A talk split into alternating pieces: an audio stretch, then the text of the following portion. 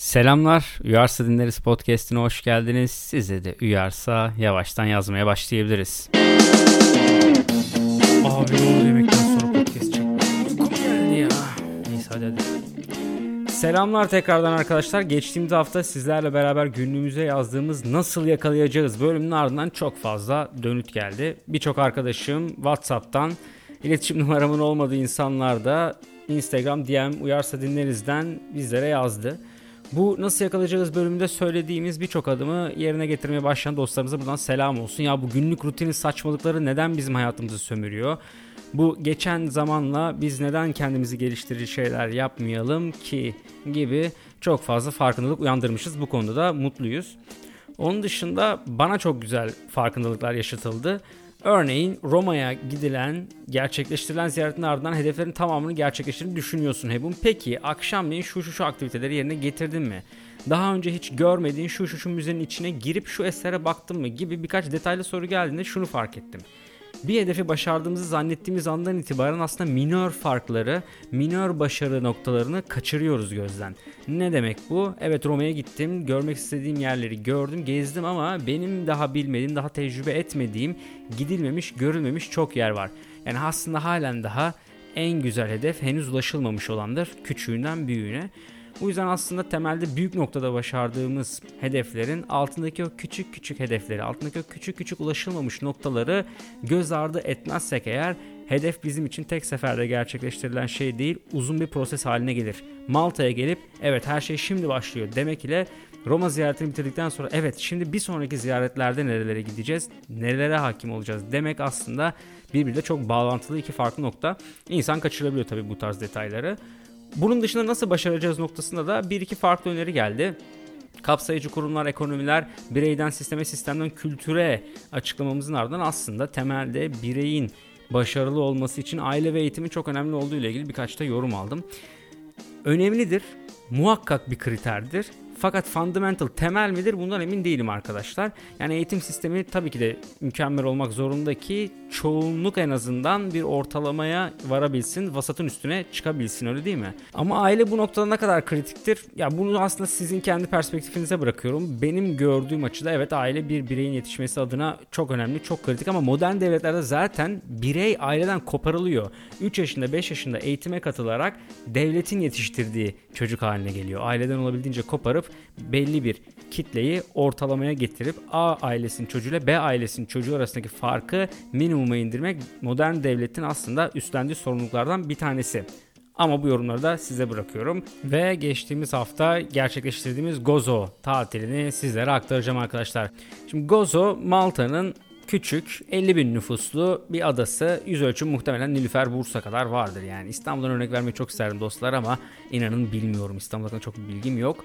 Ve bu ada Malta adasının aksine son derece geleneksel bırakılmış herhangi bir gökdelenin bulunmadığı bir iGaming şirketinin firmasının vesaire bulunmadığı gelirini turizmden ve hayvancılık tarım üzerinden sağlayan çok tatlı bir ada.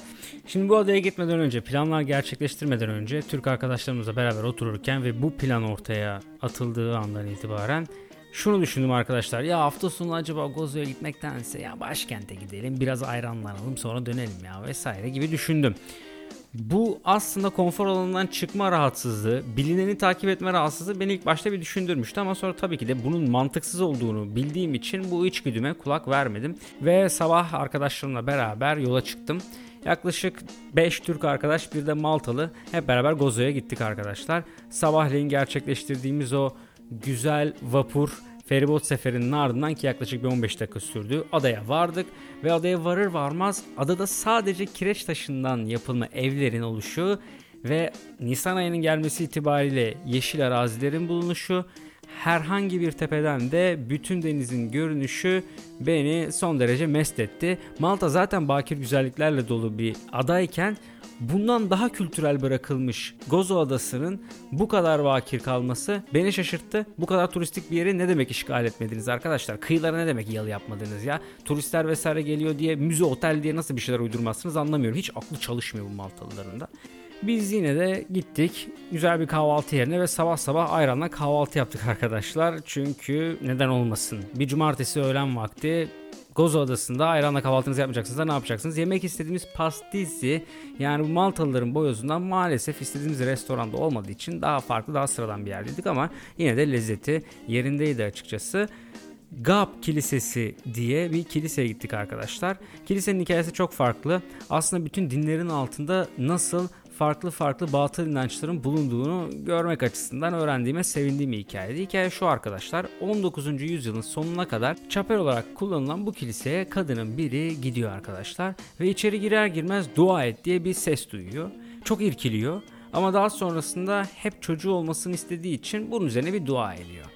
Bunu gidip yakın arkadaşına anlattığı zaman yakın arkadaşından da evet ben de aynı kilisede aynı yankıyı duydum ve hasta olan annem için bir dua ettim diyor. Ve ikisinin de duası gerçekleştirdikten sonra Gozitans yani Gozo adası sakinleri de bu kilise yakın etmeye başlıyor.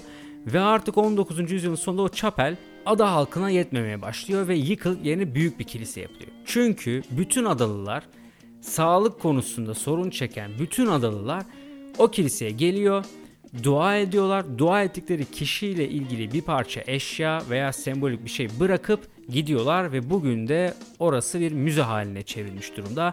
İçeride bebek kıyafetleri, biberonlar, hasta bazı insanların kıyafetlerini vesaire de görmeniz mümkün. Biz gittiğimizde maalesef kilise kapalıydı. Çünkü Hazreti İsa'nın inanılışına göre ölümünden bir gün sonra biz oradaydık. Hazreti İsa'nın ölüm gününde de kiliselerde gerçekleştirilen ayinlere vesaire katıldık.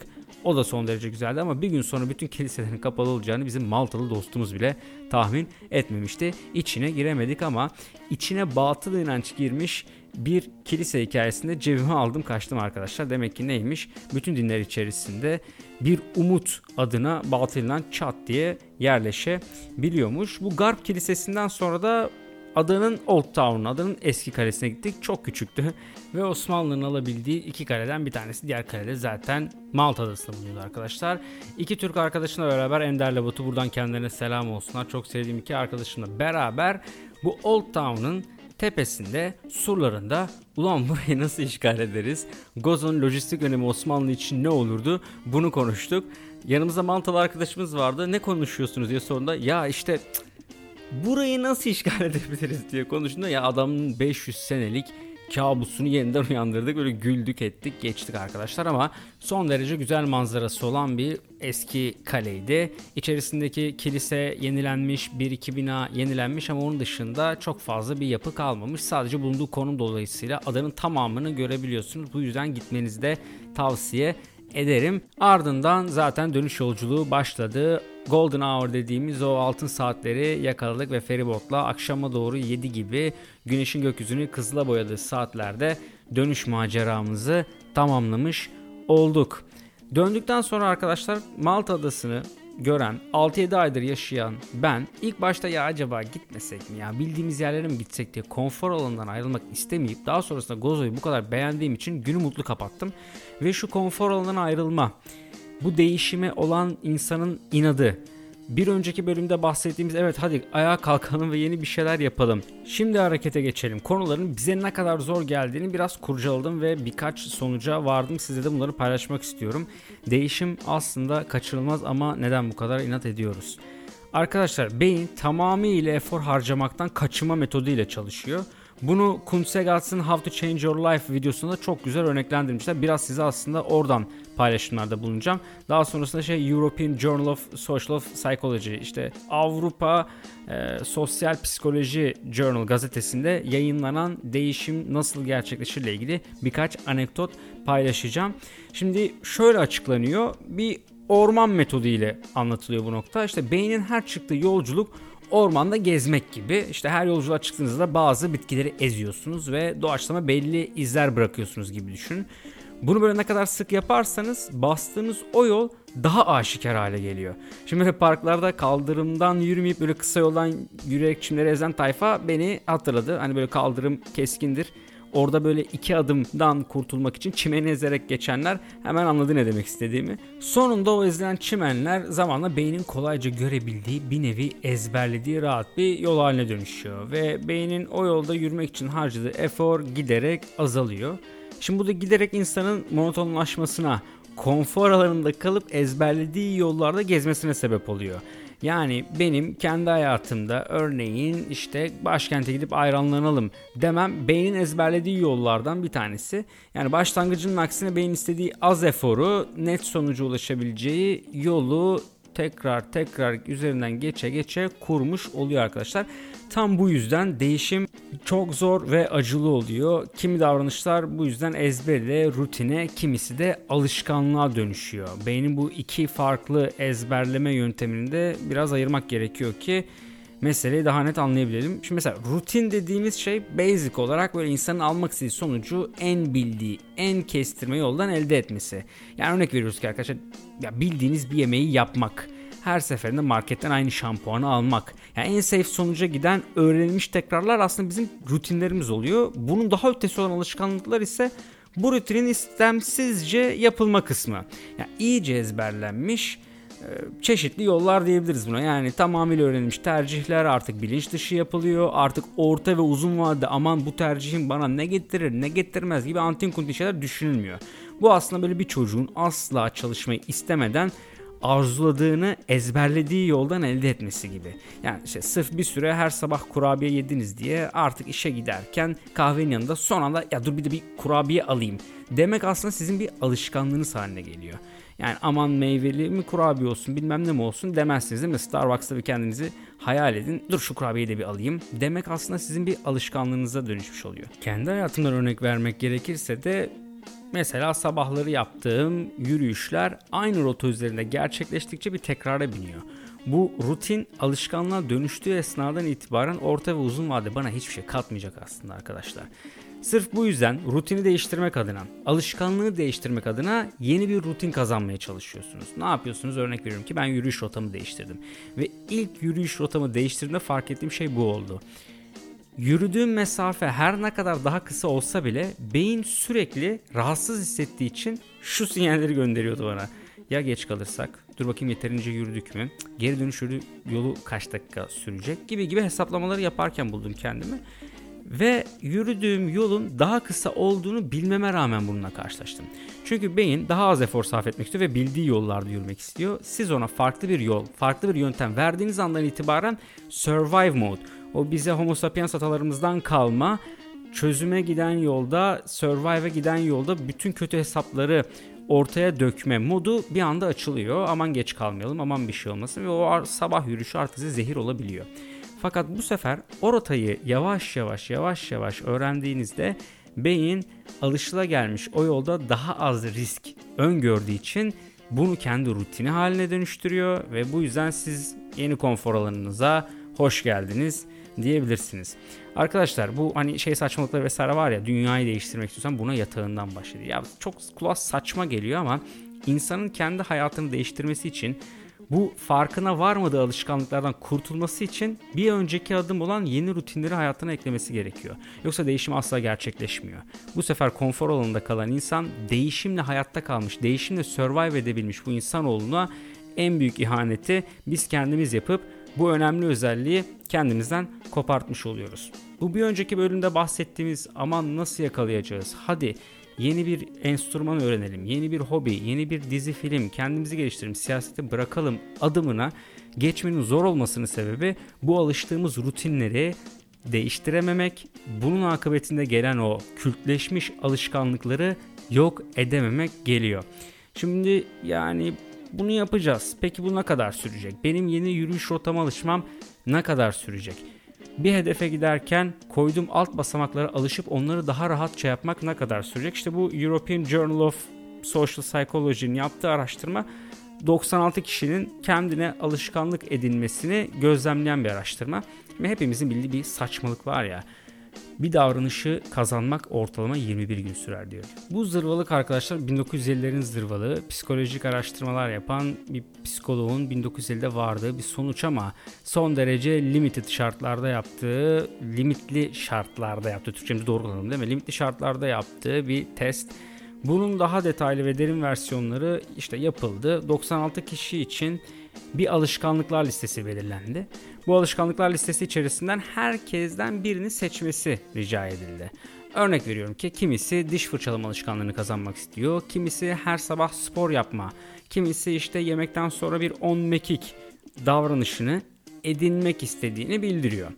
Daha sonrasında araştırmalarda şunu görüyorlar. Kişinin karakterine bağlı olarak, konfor alanından ayrılma sıklığına bağlı olarak, günlük yaşantıda yaptığı işe bağlı olarak bu davranışların kazanımı 18 gün ila 256 gün arasında bir değişiklik göstermiş. Tabi burada davranışın zorluğuyla da alakalı olduğu için genel ortalamaya baktıkları zaman ortalama bir davranışın, ortalama bir alışkanlığın 66 günde ancak kazanılmaya başlandığını tespit etmişler. Şimdi buradan şu sonucu çıkarabiliyoruz. İnsanın kendisine aslında evet 3 hafta şimdi ben bunu yaptım evet benim buna alışmış olmam lazım. Baskısı son derece yersiz. Değişimler bir anda gerçekleşmez. Bir anda gerçekleşen devrimler ve değişimler son derece kanlı olur. Getirdiği kadar da götürdüğü olur. Bu yüzden sürece bırakılmış değişimler, dönüşümler ve devrimlerde daha sağlıklı adımlar görebiliriz. Ya bir önceki bölümde de konuştuğumuz işte İngiltere'nin demokrasi 400 senede oturtması daha sağlıklı adımlarla gerçekleşirken bunu bir anda devrimle yapmaya çalışan Sovyet döneminde 50 senede, 60 senede son derece kanlı sonuçlar görmemiz bunun aslında toplumsal örneği. Bireysel örnekte ise 3 haftanın sonucunda başarıya ulaşamayan birey kendini suçlamaya başlıyor. Bu yolda kendini başarısız görmeye başlıyor ve amaçtan vazgeçiyor. Bu sebeple yanlış belirlenen zamanlama sizin davranış kazanmanıza engel olabilir. Değişiminize balta vurabilir. O yüzden bu 21 gün saçmalığını bırakıyoruz arkadaşlar. Benim kendi şahsıma Gozo'ya gitme eylemi alıştığım başkente gitme eyleminden son derece fark ettiği için beynim ilk başta bunu reddedik ya of gitmesek mi kim gidecek ki gibi reaksiyonlar verdi. Bunun sebebi de beyin ATP harcamamak için ezberlediği yoldan gitmek istedi ve hadi başkente gidelim ve her zamanki sahip olduğumuz rutini gerçekleştirerek en kısa yoldan kendimizi ödüllendirelim dedi. Bu orman içerisinde daha önce hiç adımların atılmadığı, sürekli yeşilliğin kesilip biçilip yeniden yol yapılacağı ağır yolu reddetti. İşte tam bu anlarda konfor alanınızdan çıkmak size yeni bir rutin kazandırır. Bu yeni rutinler değişimin, doğal değişimin, sağlıklı değişimin bir parçası olur. Burada sırf tavsiye edilen şeylerden bir tanesi de şu. Yapacağınız bu değişimleri alt maddelere bölerek mini hedefler ve mini değişimler haline getirerek süreci daha kolaya indirgeyebilirsiniz arkadaşlar. Örnek veriyorum ki sporda yeni bir serüvene atlamak ve evet ben kas yapacağım, cime gideceğim son derece havalı geliyor ama çok zor. Yani bir insanın 3 ay boyunca sürekli bir bedenini, vücudunu zorlaması çok zor ama ufak ufak hedeflerle evet ben bundan sonra saat 7'de spor yapacağım, şu hareketlerle başlayacağım da. Bir sonraki hafta evet şimdi bunu yarım saate çıkaracağım. Bir sonraki hafta evet şimdi yeni bir hareket ekleyeceğim diyerek süreci minik hamlelere bölüp kendinizi daha kolay hale getirebilirsiniz. Bu şekilde konfor alanından ufak adımlarla ayrılmış olacaksınız. Beyne bir anda evet şimdi bir saatlik spora yükleniyoruz. Sinyali vermektense evet şimdi haftanın 3 günü yarım saatte başlıyoruz. Ya buna alıştık gibi. Şimdi 45 dakikaya mı çıkartsak bunu diyerek kendi alt hedeflerinizle süreci daha kolay hale getirebilirsiniz arkadaşlar. Genel perspektifte baktığımız zaman aslında değişim konfor alanından çıkmayla, yeni rutinler ekleyerek yeni alışkanlıklara yol açmayla ve bunların da kısa orta vadede artık bize hizmet etmediğini gördükten sonra değiştirmekle oluyor. Yani bu aslında hiç bitmeyen bir loop, hiç bitmeyen bir circle. Ama ancak bu şekilde insan sürekli kendini yineleyip tazeleyebiliyor. Uyars Edinleriz'in bu haftasında aslında sizlerle beraber adaya yaptığım yolculukla beraber neleri tecrübe ettim, ne konuda aydınlanmalar yaşadım bunları not almış olduk. Ve haftanın son partı olan gönderilmemek üzere hediyeler listesine geldik. Bu hafta gönderilmemek üzere Türkiye'deki bütün dostlarıma huzurlu, sabırlı ve siyasetsiz günler hediye ediyorum. Size de uyarsa buyurunuz efendim. Ne değişimmiş arkadaş ya anlat anlat bitmiyor ya. Şovcu işim var. Dijitalci finansçı şovu.